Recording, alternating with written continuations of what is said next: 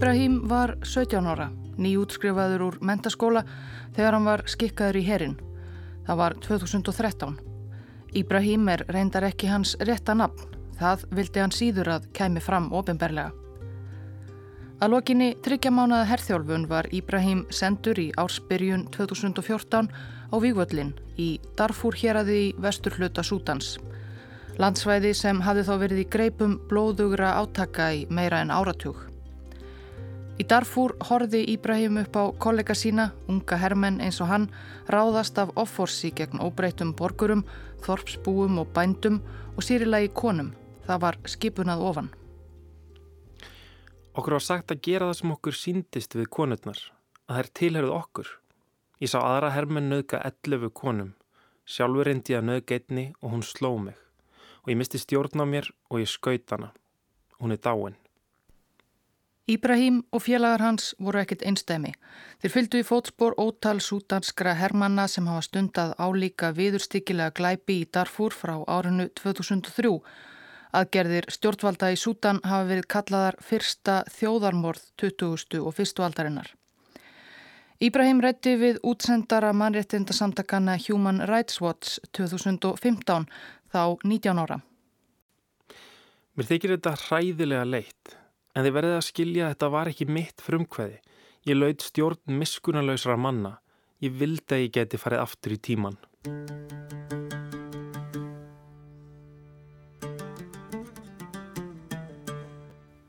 Íbrahím getur það ekki en við getum farið aftur í tíman. Þar sem við skildum við Sútan í síðasta þætti í ljósi sögunar hafði herfóring geðanabni Ómar al-Basir tekið völdin í valdaráni árið 1989 á samt nánum samverkamanni sínum eða Guðföður eins og hann var stundum kallaður íslamska lögspekingnum Hassan al-Turabi. Saman hafðu þeir tekið upp ströng trúarlög í landinu og gert Sútan að greiðast að alþjóðlegra hriðjuverkamanna eins og Ósama bin Laden sem bjó í Sútan í nokkur ár áður en hann öðlaðist alræmi sem leðtogi Al-Qaida. Árið 1996 var tekin upp borgarleg stjórn eftir sjö ára af alræði stjórn herfóringja en baraða nafnunu til því í kostningum var Ómar al-Basir kjörinn forseti Sútans með yfirgnæfandi meiri hluta atkvæða auðvitað og svo var hann endurkjörinn árið 2000. Þá hafði kastast í kekki milli hans og Hassan al-Turabis lögspekingsins ári áður og Basir var orðin kyrfilega einráður. Þetta sama ár, 2000, urðu stakkaskipti á súdönskum efnahag þegar ólíupeningar fóru loks að flæða í ríkiskassan. Bandaríska oljufélagi Chevron hafi byrjað að leita að olju í suður hluta Sútans þar sem langmest af oljubyrðum landsins var og er að finna árið 1978 en öll oljuvinnsla tafist vegna hins langvinna og hatarama ófríðar millir arabísku mælandi stjórnvalda í Kartum, höfuborg Sútans í norðri og uppreysnarmanna í suðri þar sem flestir töluðu ensku og afrísk mál og aðhyldust kristni eða andatrú.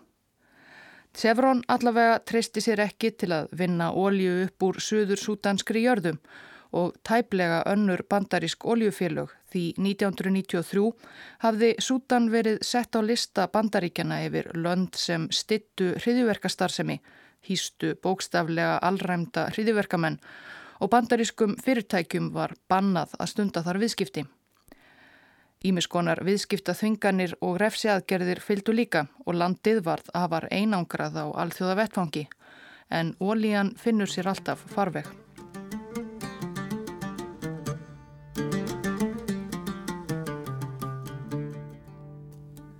Það hafði geysað styrjöld í söður hluta Sútans meira á minna frá sjálfstæði landsins fyrir utan Rúman Áratugs frið 1972 til 83. En æfi James Ninru hafði verið sæmilega friðsæl samt.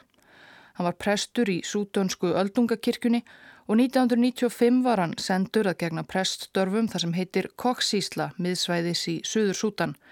Það var svæði sem kvorki súdönskum stjórnvöldum í kartum nýja Suður Súdönskum uppreysnamönnum þótti sérstaklega mikilvægt að berjastum, skiptu sér í raun ekki sérstaklega af. Lífið fekk að ganga sinn vana gang já, alveg þar til ólíjan kom.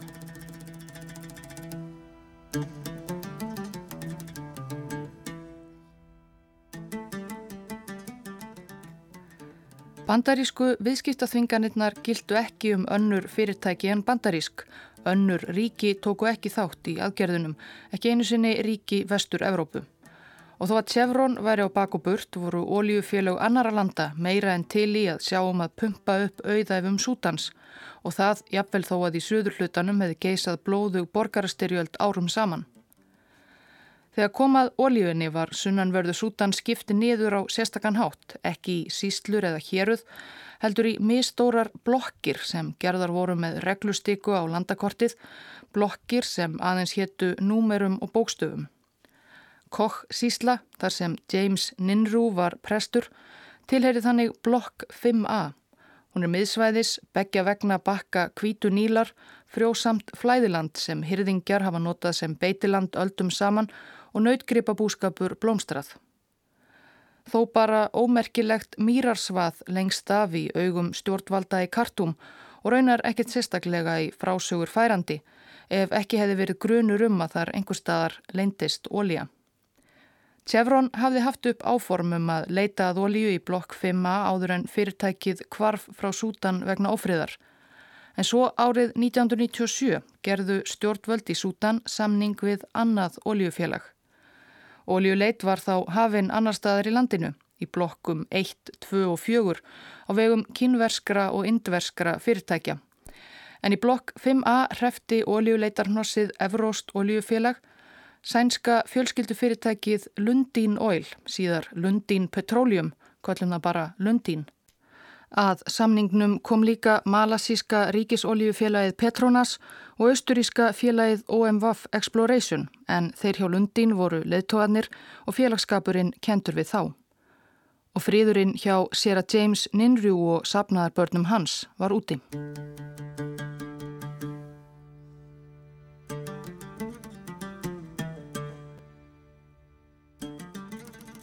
Fyrst komu þeir með Antonov flugvilar og svo orustu þyrlur. Þeir vörpuðu sprengjum handahofskenta á þorpin, vörpuðu meira að segja sprengjum á kýrnar. Þegar þeir sjá dýrin niðri á jörðinni, vita þeir að fólk býr þarna. James Ninrjú rifjar upp árið 1997. Þannig að það fyrsta sem þeir gera er að skapa óta í samfélaginu. Næsta skref er að senda hermenn. Það voru alvöru sútanskir stjórnarhermenn og svo bandamenn þeirra, vígasveitinnar. Hermennir fóru þorp úr þorpi, hús úr húsi, þeir brendu kirkjur, það var engin griðastæður, jafnvel konur og börn voru drefin. Eftir samningin við Svíjana hjá Lundín um ólíuleiti blokk 5a var það sútanskum stjórnvöldum mikið kapsmálað eins og það var orðað tryggja öryggi á svæðinu, tryggja að engir uppreysnar menn leindust þar sem getur stemt ólíuleitinni í hættu. Raunin var að það voru fáir uppreysnar menn í blokk 5a, aðalega óbreyttir borgarar, fátækir, þorpsbúar, bændur og hyrðingjar sem fengu nú að kenna á þeirri grimd sem herrmenn sútanska stjórnarhersins hafðu svo oft sínt í þessu langvinna stríði. Þeir ráku fólk frá heimkinum sínum, þau sem þeir ekki drápu, það er að segja, Brendu hús, drápu skeppnur og girtu af gamalgrónar beitilendur. Nú tilherði þetta óljufélaginu. Sér að James Ninrjú tókst að flýja til Kenya, en... Ég misti bróður, ég misti sýstur, ég misti tengdamóður, ég misti frændaminn, alla þessa ættinga. Tengdamóður mín var rakin í burtu. Hún druknaði á flota. Bróður minn var skotinn. Hinnir voru líka skotnir niður af súdanska hernum. Þú getur spurt tíu þúsund manns og allir hafa sömu sögu að segja.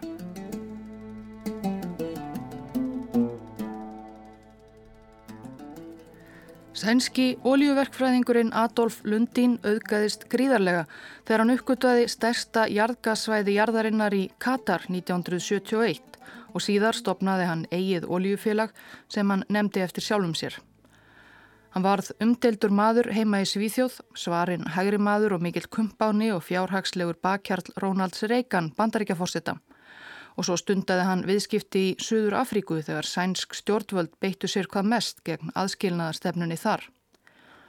og tæpu ári áður en Lundin Oil samti við súdönsk stjórnvöld höfðu saminuðu þjóðirnar gaggrínt námafélagi í eigu Lundins fyrir ránirkju í hennu stríðshrjáða Östur Kongo. Þar voru mörg hrægama fyrirtæki sem nýttu sér ólgu stríðsins til að græða á ríkulegum auðlendum landsins. Adolf Lundin setti þó stríð aldrei fyrir sig. Hann var hrifin af áhættu. Við störfum án nokkurs tillits til pólitískrar áhættu. Það er svo erfitt að gera stórar ólju uppgötvanir að eh, ef maður einskorða sig við lönd sem eru pólitíst örug þá hefur maður engin tækifæri. Það er eins og að byrja að hlaupa marathón fótbrotin. Það eina sem skiptir okkur máli er að það sem við leitum að geti orðið mjög stort. Þetta sagði Adolf Lundin í viðtali við sænska dagblæðið árið 1996, ekki lungu áður en samiðu var við Sútan. Þessi bransi er fullur af tækifærum. Það sem lokkar er spennan og það sem hægt er að græða. Maður getur borað óljuborhólu fyrir 10 miljónir dollara, annarkort verður hún einskísvirði eða maður finnur eitthvað og þá er ágóðin alltaf hundra sínum það sem maður fjárfesti.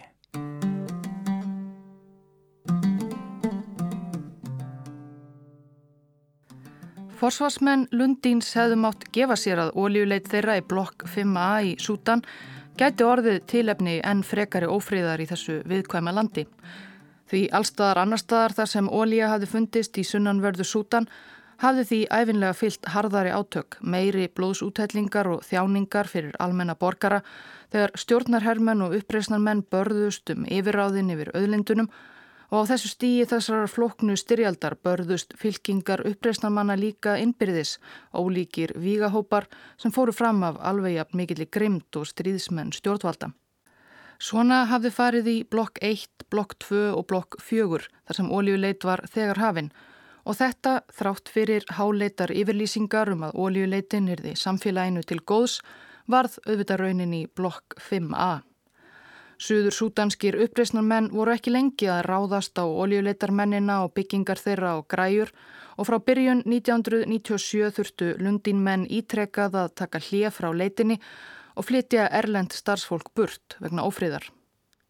En þeir komu svo alltaf aftur að vörmu spori og loks var tilkynnt að ólíja hefði fundist undir jörðu í blokk 5a vorið 1999 og það í miklu magni.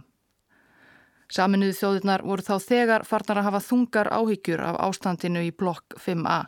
Á annað 100.000 manns hafði þegar þurft að yfirgefa heimili sín, mörg þúsund heimili voru brunnin til grunna, hver veit hversu margir drefnir og lítil vonað hægt værið að koma vistum til bástatra flottamanna á vergangi.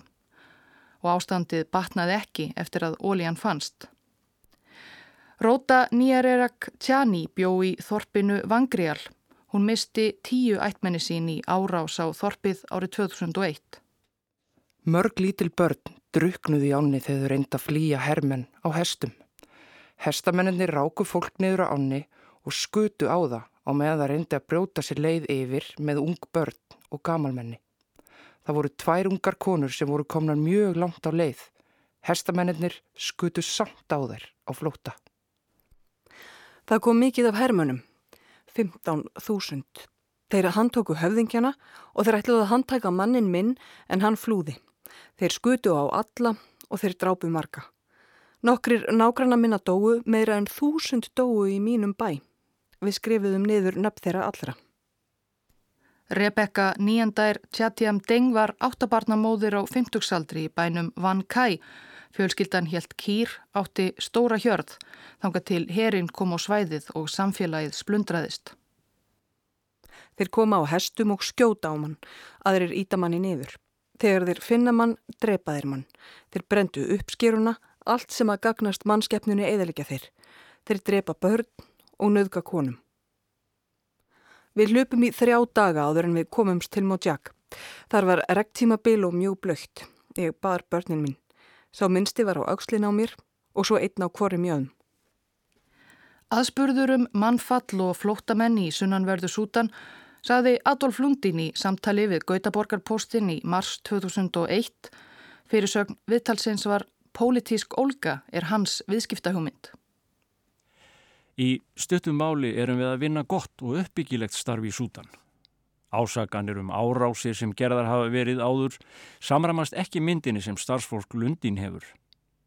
Við erum ekki á því að neynir hafi þurft að flýja.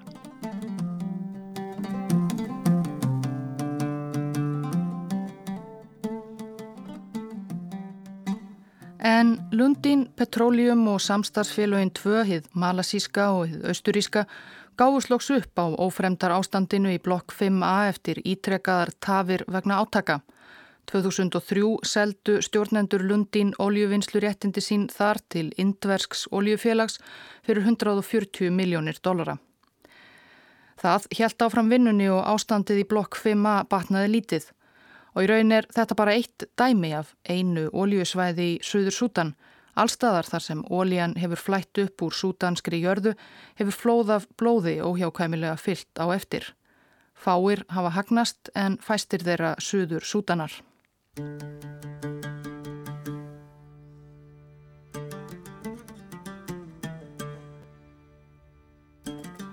Mál Lundin Petroleum hefur þó vakið sérstaka aðtekli þar sem mörg alþjóðasamtök álasa fyrirtækinu mjög fyrir að byrja óljuvinnslu á svo viðkvæmu stríðsjáðu svæði, reyða sig á sútanska herin til að tryggja öryggi og láta flytja burt óbreyta borgara og láta svo sem ekkert væri þegar blóðsúthellingar og hörmungar fyldu.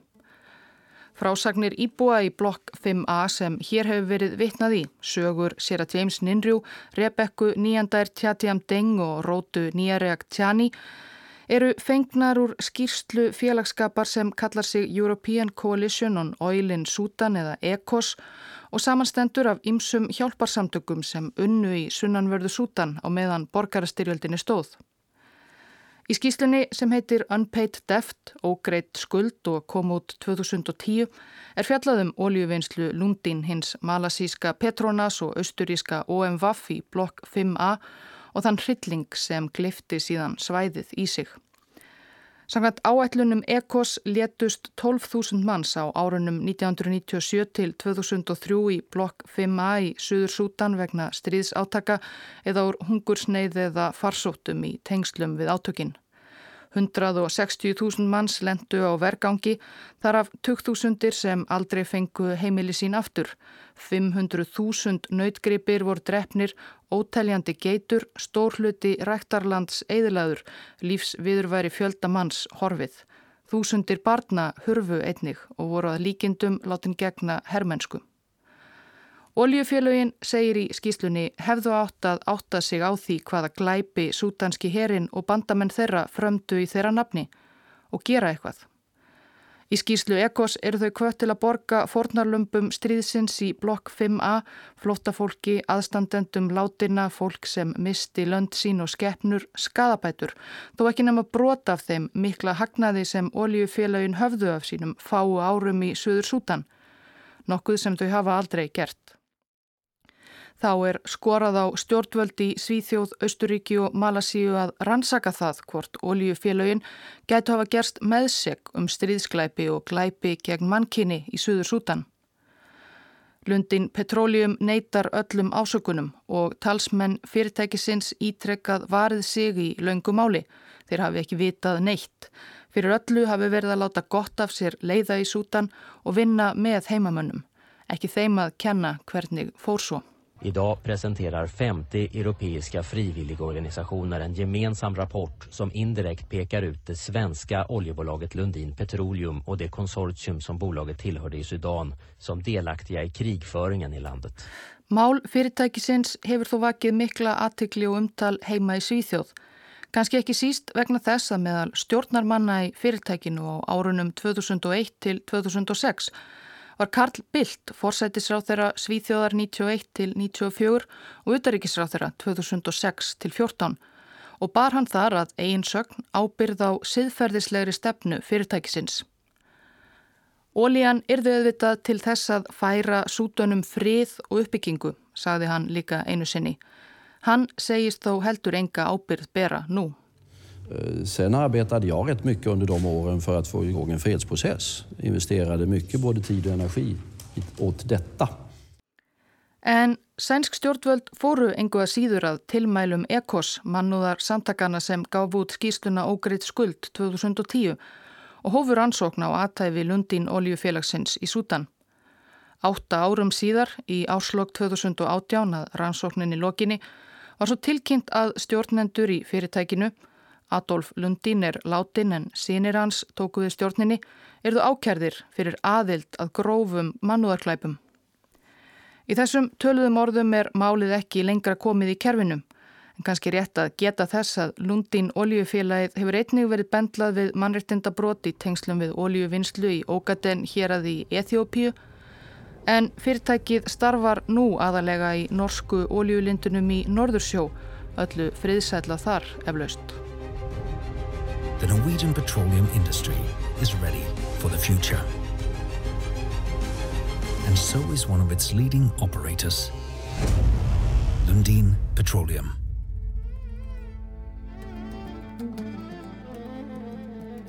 Vargöldin í blokk 5 vakti ekki svo mikla aðtikli alþjóða samfélagsins á meðan á henni stóð. Þetta var jú bara einn ángi af söður súdönsku borgarastyrjöldinni sem hafði staðið í 20 ár nærið því, enn einni afrískri borgarastyrjöldinni. En um það byrj sem lundinmenn voru að pakka niður í töskur sínar árið 2003 var annar vígvöllur að verða til í Sútan og það ekki í söðrinu og átti hann eftir að vekja öllu meiri aðtikli. Víkjum sögunni aftur til upphafs þessa þáttar, til Darfur hérads þangað sem mentaskóla pilturinn Íbrahím var sendur að berjast aðeins 17 ára gamal.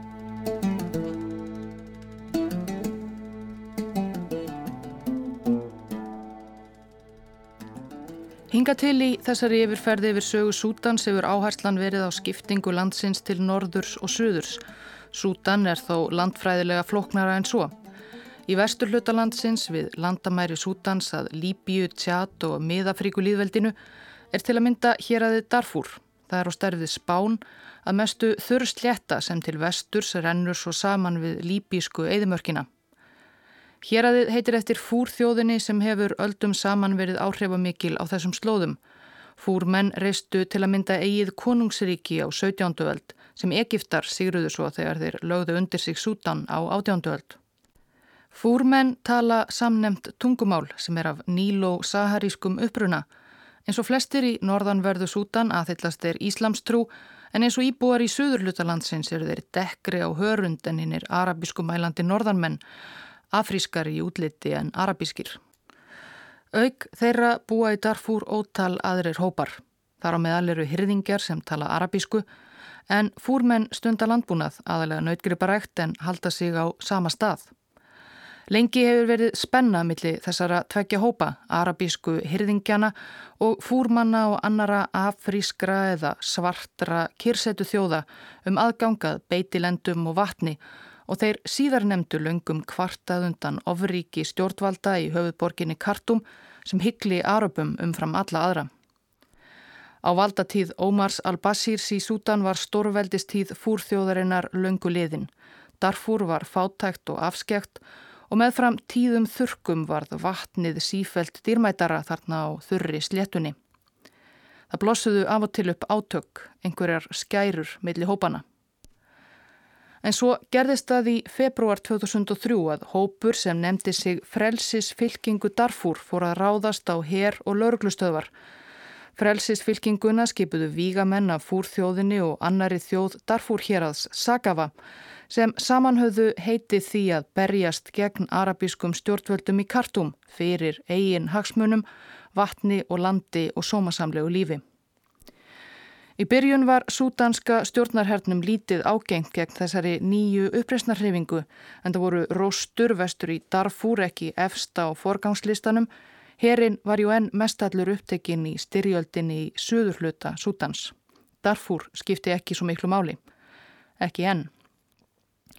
En svo snemma morguns 25. april 2003 réðust Darfúrskir skæruleðar á herstöði í Al-Fasir, helstu borg í norðanverðu Darfúr, þar sem herrmennir lágu og sváfu á meðan skæruleðarnir eidilöðu bæði herrflugvilar og þyrllur drápu svo á 8. tug hermana þar á meðal æðsta fóringja herstöðvarinnar og letu sig svo hverfa út í morgunskímuna. Þetta var einhver vandræðalegasti atbyrður í sögu sútanska hersins Aldrei hafði suður súdönsku uppreysnamönnunum tekist nokkuð þessu líkt á öllum árum styrjaldarinnar þar. Stjórnvöldi í Kartum urðu nú ákveði nýjað ráða nýðurlögum darfúrsku uppreysnarmannana. En súdanski herin var svo gott sem komin að þólmörkum í söðri svo að í Kartum hugsuðu menn upp aðra taktík. Þeir leituðu til nágrana og jáfnframt óvinna fúrfólksins og hinna landbúnaðar þjóðana á svæðinu, arabísku mælandi hyrðingjana sem höfðu svo lengi keft við þærum jarðir og dýrmætt vatnið. Stjórnvöld sáu óformlegum vígasveitum hyrðingjana sem kallast Djandjavít fyrir vopnum og peningum og sleftu þeim svo lausum á hestum og úlvöldum á heimkynni óvinnarins. Þar byrjuðu hyrðingasveitirnar fljótt að vinna grimdarverk, myrtu óbreyta borgara, karla, konur, börn og gamalmenni, pyntuðu fólk, nöguðu, konum, stálu, börnum. Savela Súlíman var 22 ára hafði rakist frá heimili sínu í flóttamannabúðir innan Darfur þegar sex Djandjavíd vígamenn réðust á hana að næturlægi vorið 2004. Hún hafði á samt tveimur öðrum ungum konum úr flóttamannabúðunum hætt sér út í skjóli nætur til að sapna stráum handa östnum fjölskyldurinnar. Vígamennir reyttu í ungu konurnar blótsýrðum, kölluðu þær þræla, hýttu þær með úlvaldapískum og nöðguðu þeim svo aftur og aftur. Þeir þrifu í asnan minn og sögðu svarta stelpa, þú ert of dökk, þú ert eins og hundur. Við viljum gera þér ljósara barn. Svo sögðu þeir, kontu þér burt í þann en skildu barnið eftir þegar það er fætt. Það voru svona lýsingar, fjölmarkar svona lýsingar því þetta stunduðu vígamennir kerfisbundið Og frásögnir af drápum og limlestingum og flóð af flótamönnum undan Djandjavíð sveitunum sem gerðu það verkum að aðtikli heimsbyðarinnar fórað beinast að Darfúr hér aði. Allavega meiri aðtikli en hafi verið á styrjöldin í sunnanverðu sútan um ára byll. Atbyrðum í Darfúr var líkt við Jugoslevíu stríðin og þjóðarmorðið í Rúanda. Markmið Kartum og samverkamenn að þeirra á úlvöldunum væri hreinlega að útrýma fúrþjóðinni og öðrum svörtum þjóðum Darfúr leifa arapunum að koma í staðin. Alþjóðastofnanir og ýmsar alþjóðlegar stórstjórnur blönduðu sér í málið, allavega á orði, en allar tilraunir alþjóðasamfélagsins til að stilla til friðar, þrýsta á Ómar al-Basir og samverkamenn hans í Kartum fóru út um þúfur. Ekkert gekk og fámennar fríðargæslusveitir frá öðrum Afríkulöndum gáttu sumu leiðis lítið að gert. Hömluleust ofbeldið í Darfur helt áfram. Hundruð þúsunda borgara lendu á vergangi innan héraðsins eða leitiðu til annara svæða í Sútan eða grannríkja eins og tjatt þar sem beð þeirra lítið annað en hungur og farsóttir. Svona liðu árin, fylkingar Darfúrskra uppreisnarmanna klopnuðu niður í sífælt smerri einingar sem komu sér yfirleitt ekki saman um neitt sem erfiðaði enn allar fríðarumleitanir. Árið 2008 var Ómar al-Basir fórseti Sútans ákerður af alþjóða sakamáladómstólnum í Haag fyrir stríðsklæpi, þjóðarmorð, mannúðarklæpi og morð. Hann tökur skipan á hendur fórsetanum var gefin út um leið. En ekkert mikið meira gerðist. Basir hafnaði ásökununum og passaði sig eftir þetta á því að ferðast ekki til landa sem viðurkendu lögsugu alþjóða sakamáladómstólsins, svo nýrði örglega ekki handtekinn og framseldur og sendur til hag. Aðrir sútanski ráðamenn og herfóringjar sem ákerðir hafa verið af dómstólunum í hag hafa heldur ekki þurft að svara til saka. Darfúr var að mestu horfið úr heimsfréttunum eftir 2013 en átök þar heldu þó áfram eins og við hyrðum í upphafi þáttarins var hinn 17 ára Íbrahim sendur til Darfur með sútanska hernum 2014. Íbrahim var liðsmaður sérstakra rað stóðsveita sem stjórnað var af herleini þjónustu sútans, ungir menn sem kvattir voru til að beita sömu aðferðum og djandjavít vígamennir, stela, brenna, pinta, nöðka og myrða, eðilegja vassbrunni og drepa nautgripi. Slíka sveitir hafa haldið áfram að ganga erinda súdanskra stjórnvalda í Darfúr með reglulegu millibili. Ófriðurinn í Darfúr stendur í raun enn og erfitt er að segja hversu mörg fornarlömp hans eru til þessa. Svo illa hefur alþjóðasamfélagið geta fylst með þessum hildarleik. 300.000 látin hljóðar einn áætlun frá saminuðu þjóðunum og þrjár miljónir á vergangi og alls lausar. Þessar áallanir eru reyndar frá árunnu 2008 og ímislegt gerst síðan þá.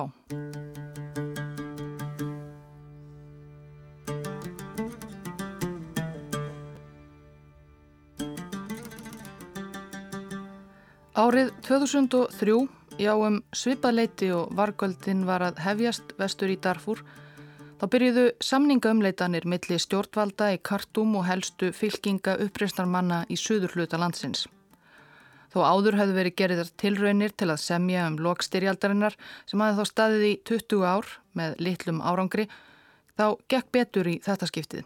Viðræður mjökuðust áfram og meðfram því þegar komið var fram á 2004 fór að draga verulega úr blóðsúthellingum í Suður Sútan. Endanlegur friðarsamningur millir sútanskra stjórnvalda og uppreysnarmanna var svo undirreitaður í Nairobi í Kenya 5. janúar 2005 við hátíðlega aðtöfn og mikinn fögnuð á gödumúti í Nairobi og í borgum og bæjum Suður Sútan.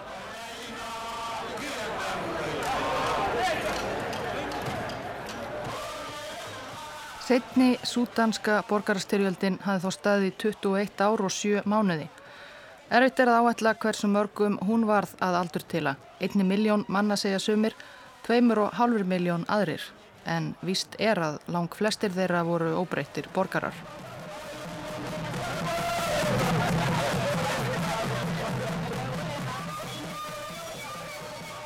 Fríðarsamningurinn var nokkuð róttekur.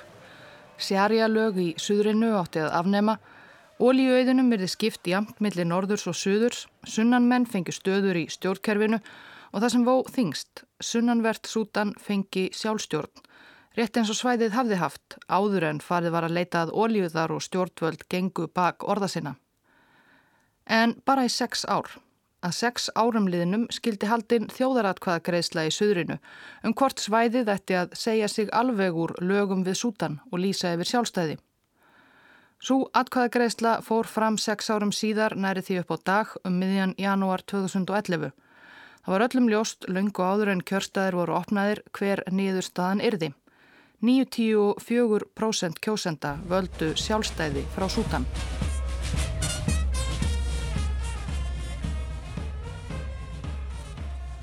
Og eins og minnst var á í fyrsta þætti um sögu Sútans þá leitt Suður Sútan dagsins ljós sem sjálfstætti ríki aðeins örfa á mánuðum síðar, 9. júli 2011. Sútan, eitt sinn stærsta land Afríku, var klófið í tvent.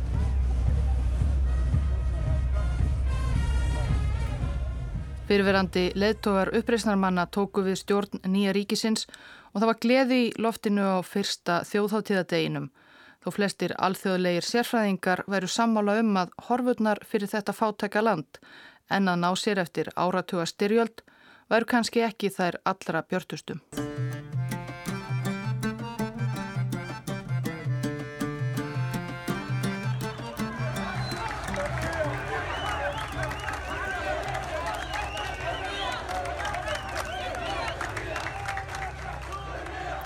Í desember 2018 fóru sútanar í norðurinu sumsi að mótmæla á gödumúti dag eftir dag vegna hækkandi vöruverðs, verbólgu og svo framvegis en líka til að mótmæla því einræði og misrétti og kúun sem landsmenn höfðu verið beittir í þrjá áratugi af hendi Ómars al-Basirs forsetta á kóna hans. Því að Basir ætlaði sér alls ekki að láta völdum. Mótmælin leiti ungt fólk, stúdendar og mentamenn og verkalýsfjölug. Konur voru áberandi í hópi mótmælenda, ungar konur eins og verkfræðineminn Ala Sala sem stilti sér upp kvítklæta og bílþökum og kyrjaði slagorð.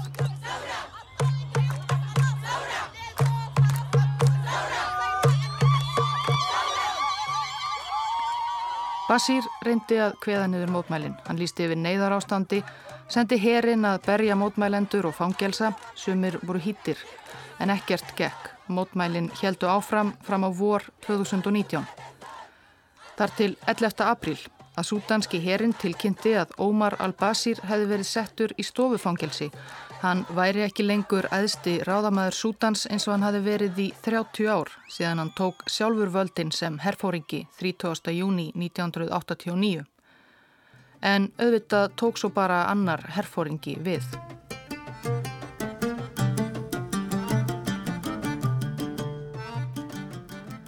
Það var sæmilega friðsamlegt í hennu sjálfstæða Suður Sútan í tæp þrjú ár. Í desember 2013 kom upp ósætti millir tveggja fyrirverandi bandamanna ár aðskilnaðastríðinu við Kartum, Salva Kýr, fórsetta Suður Sútans og fyrirverandi varafórsetta hans Ríek Matsjar. Inn í átök þeirra blönduðs fljótt fleiri deilur, millir ímissa stjórnmálafylkinga, þjóða Suður Sútans og svo ekki síst um ólíuauðin og útbraust allserjar borgarastyrjöld eins flókin og hún er blóðug. Nýjasta ríkið á heimskortinu var þannig fljótt einnig það hættulegasta. Frá því einhver tíman á 19. öld eru árin 1972 til 1983 eiginlega enn þau einu sem verið hefur friður í Suður Sútan.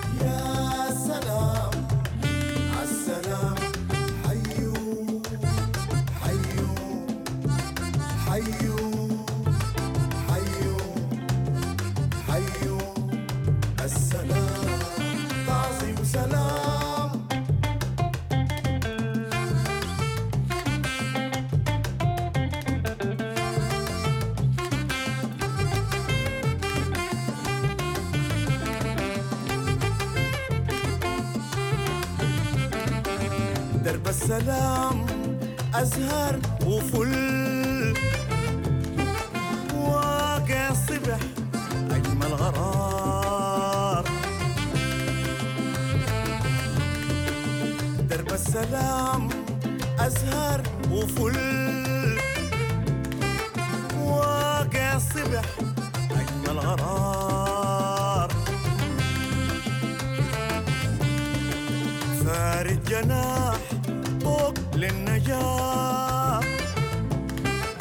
للناس مراد وأحسن خيال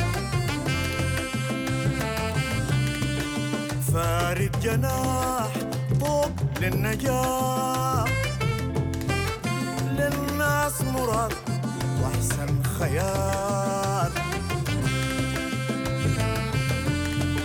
ناشر فرح في كل بيت.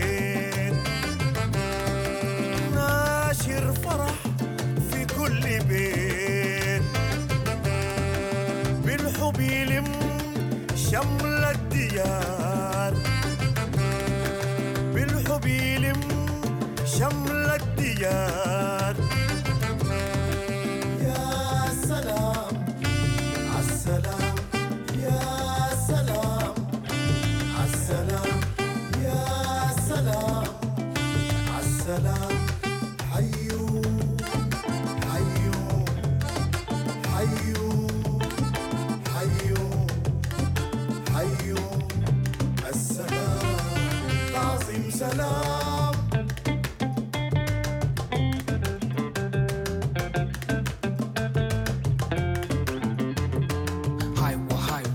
haiwa Chiloja telke fusang Ko chiloja telko wodi Malen chamia tan kamni kon junubin Mani shumali Lakim wako nanka history pihan Ka calm down kon junubin marodan Neme yigar mashar Ben ka shamar yal ka kena jon garang Zaman matot yoro nyo nang wola makot nyo nen yoro nyo ben En jet fursa mani shoy wish to Hop kama shwala sound sudan Nyi na kam yen nyi na na hiang na hiang na naro dien naro dien yere den Ana mo ga me di mi ko da kam na o de na hiang tin ka te tak biala te tin No yang naro dien hiang o ga kulukun Have you seen from Darfur and Kor hiang o ga Malis the solution at this moment Again and de la ya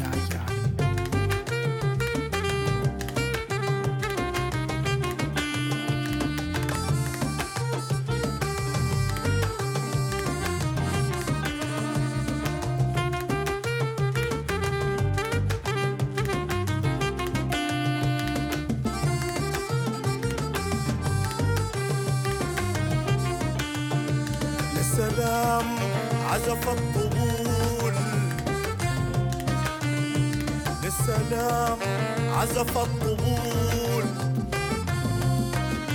عارض حماس نم يا ولد يا.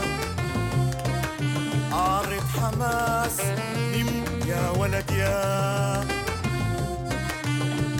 السلام عزف الطبول عزف الطبول عارض حماس نم يا ولد نم يا ولد.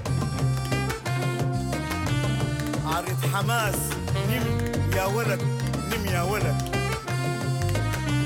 نمت بنين وسيرت عريس. مبروك عليك مبروك عليك.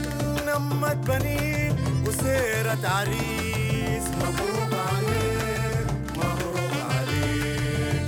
نمت بنين وسيرت عريس.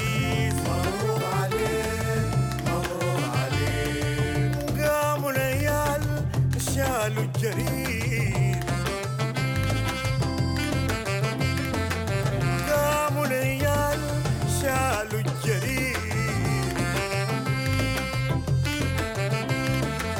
قالوا السلام فال للبعيد. قالوا السلام فال للبعيد.